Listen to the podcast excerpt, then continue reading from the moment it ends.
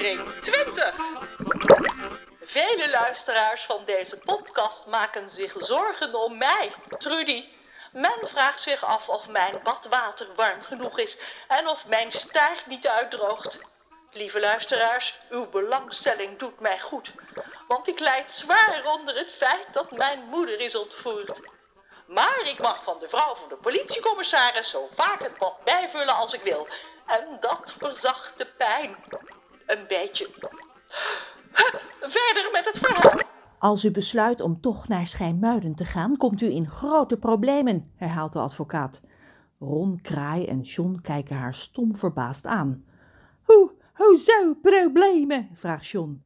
Dan klaag ik u aan wegens bootvredebreuk en laat ik u arresteren door de piratenpolitie.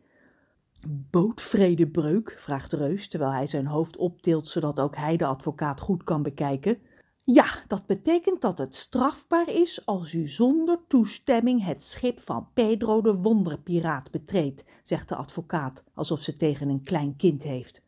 Hoe heeft u ons eigenlijk gevonden? vraagt Ron. Goeie vraag. Hoe kan deze advocaat met ooglap en dooshoofdring opeens naast het busje staan, terwijl ze zo hun best hebben gedaan om niet gevonden te worden? Er landt iets op het dak van de bus en in de raamopening verschijnt een grote oranje snavel met een witte kop eraan vast. Waar, een meeuw! schreeuwt Kraai. Slecht volk, meeuwen zijn slecht volk. Calm please, niks aan de hand, zegt de meeuw, terwijl hij met zijn kop draait en met een geel-rood omrand oog met een pupil zo groot als een speldenknop naar Kraai kijkt. Ik wil me alleen even voorstellen. Rupert de spionagemeeuw is de naam en ik ben de geheime agent van Pedro de Wonderpiraat. Ik vind alles en iedereen, dus ook jullie. Rupert, ik was aan het woord, zegt de advocaat geërgerd. Dit gezelschap moet weten dat als ze het schip van mijn cliënt Pedro de Wonderpiraat betreden, ze voor de gevolgen moeten opdraaien. Relax, advocaat. Ik denk dat deze mensen, of eigenlijk deze mensen en een cry, het heel interessant vinden om met een echte geheimagent te kunnen praten, of niet dan? Het blijft stil in de bus, hoewel Ron eigenlijk best benieuwd is.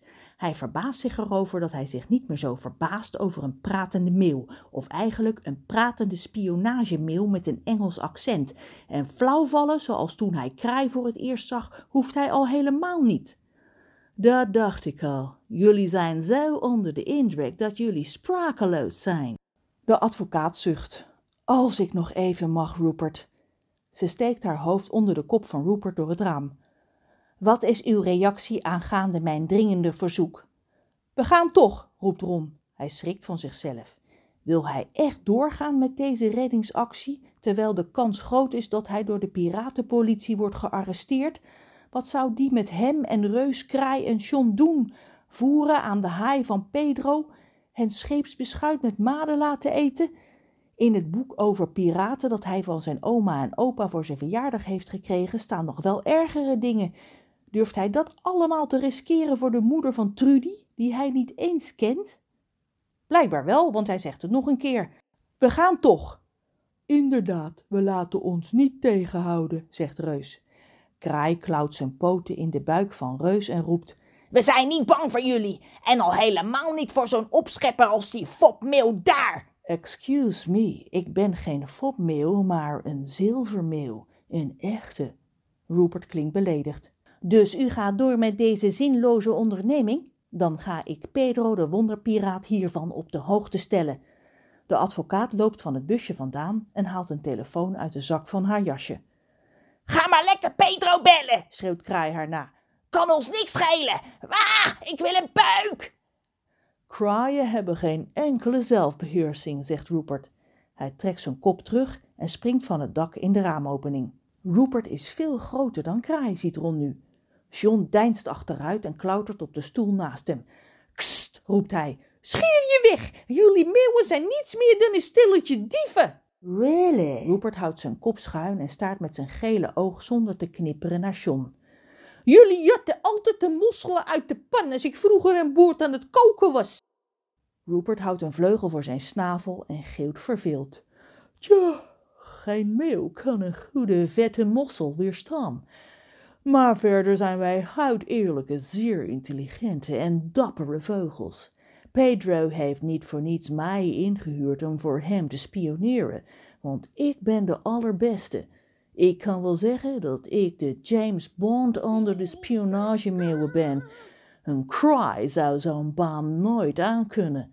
Puh, wel eens, roept Kraai. Rupert lacht als Kraai boos zijn rug naar hem toe draait. Anyway, waar waren we? Toen Pedro de moeder van Trudy had gevraagd om met hem mee te gaan. Zeg maar ontvoerd, roept Ron. Had gevraagd om met hem mee te gaan, herhaalt Rupert onverstoorbaar, gaf hij mij opdracht om Trudy in de gaten te houden. Want als zij op zoek zou gaan naar haar moeder, wilde hij dat weten. Haar telefoontje met Rose, de komst van Rose en Ron naar de haven, alles heb ik gezien en gehoord. Ik ben jullie gevolgd en jullie hebben niks gemerkt, terwijl ik ondertussen jullie positie doorgaf aan Pedro. Rupert steekt trots zijn borst vooruit. Ik ben een voortreffelijke geheim agent, al zeg ik het zelf. Wat je vertreffelijk noemt. Jullie kunnen alleen maar vuilniszakken open schuren en troep maken, zegt John terwijl hij zijn vuisten balt. Je begrijpt er niks van, vriend. Rupert schudt zijn kop over zoveel domheid. Hij draait zich om in de raamopening, kijkt over zijn schouder en zegt: Wij meeuwen maken vuilniszakken niet zomaar kapot. We doorzoeken ze in opdracht. Als geheimagenten zijn we altijd in functie. Cheerio. En weg is hij. Meteen daarna verschijnt de advocaat weer. Ze heeft haar telefoon nog in haar hand. Het spijt mij u te moeten meedelen dat Pedro de wonderpiraat zojuist de piratenpolitie heeft ingeschakeld, zegt ze. Ze kunnen elk moment hier zijn. De advocaat is nog niet uitgesproken of ze horen een auto snel dichterbij komen. Ah, daar zul je ze hebben.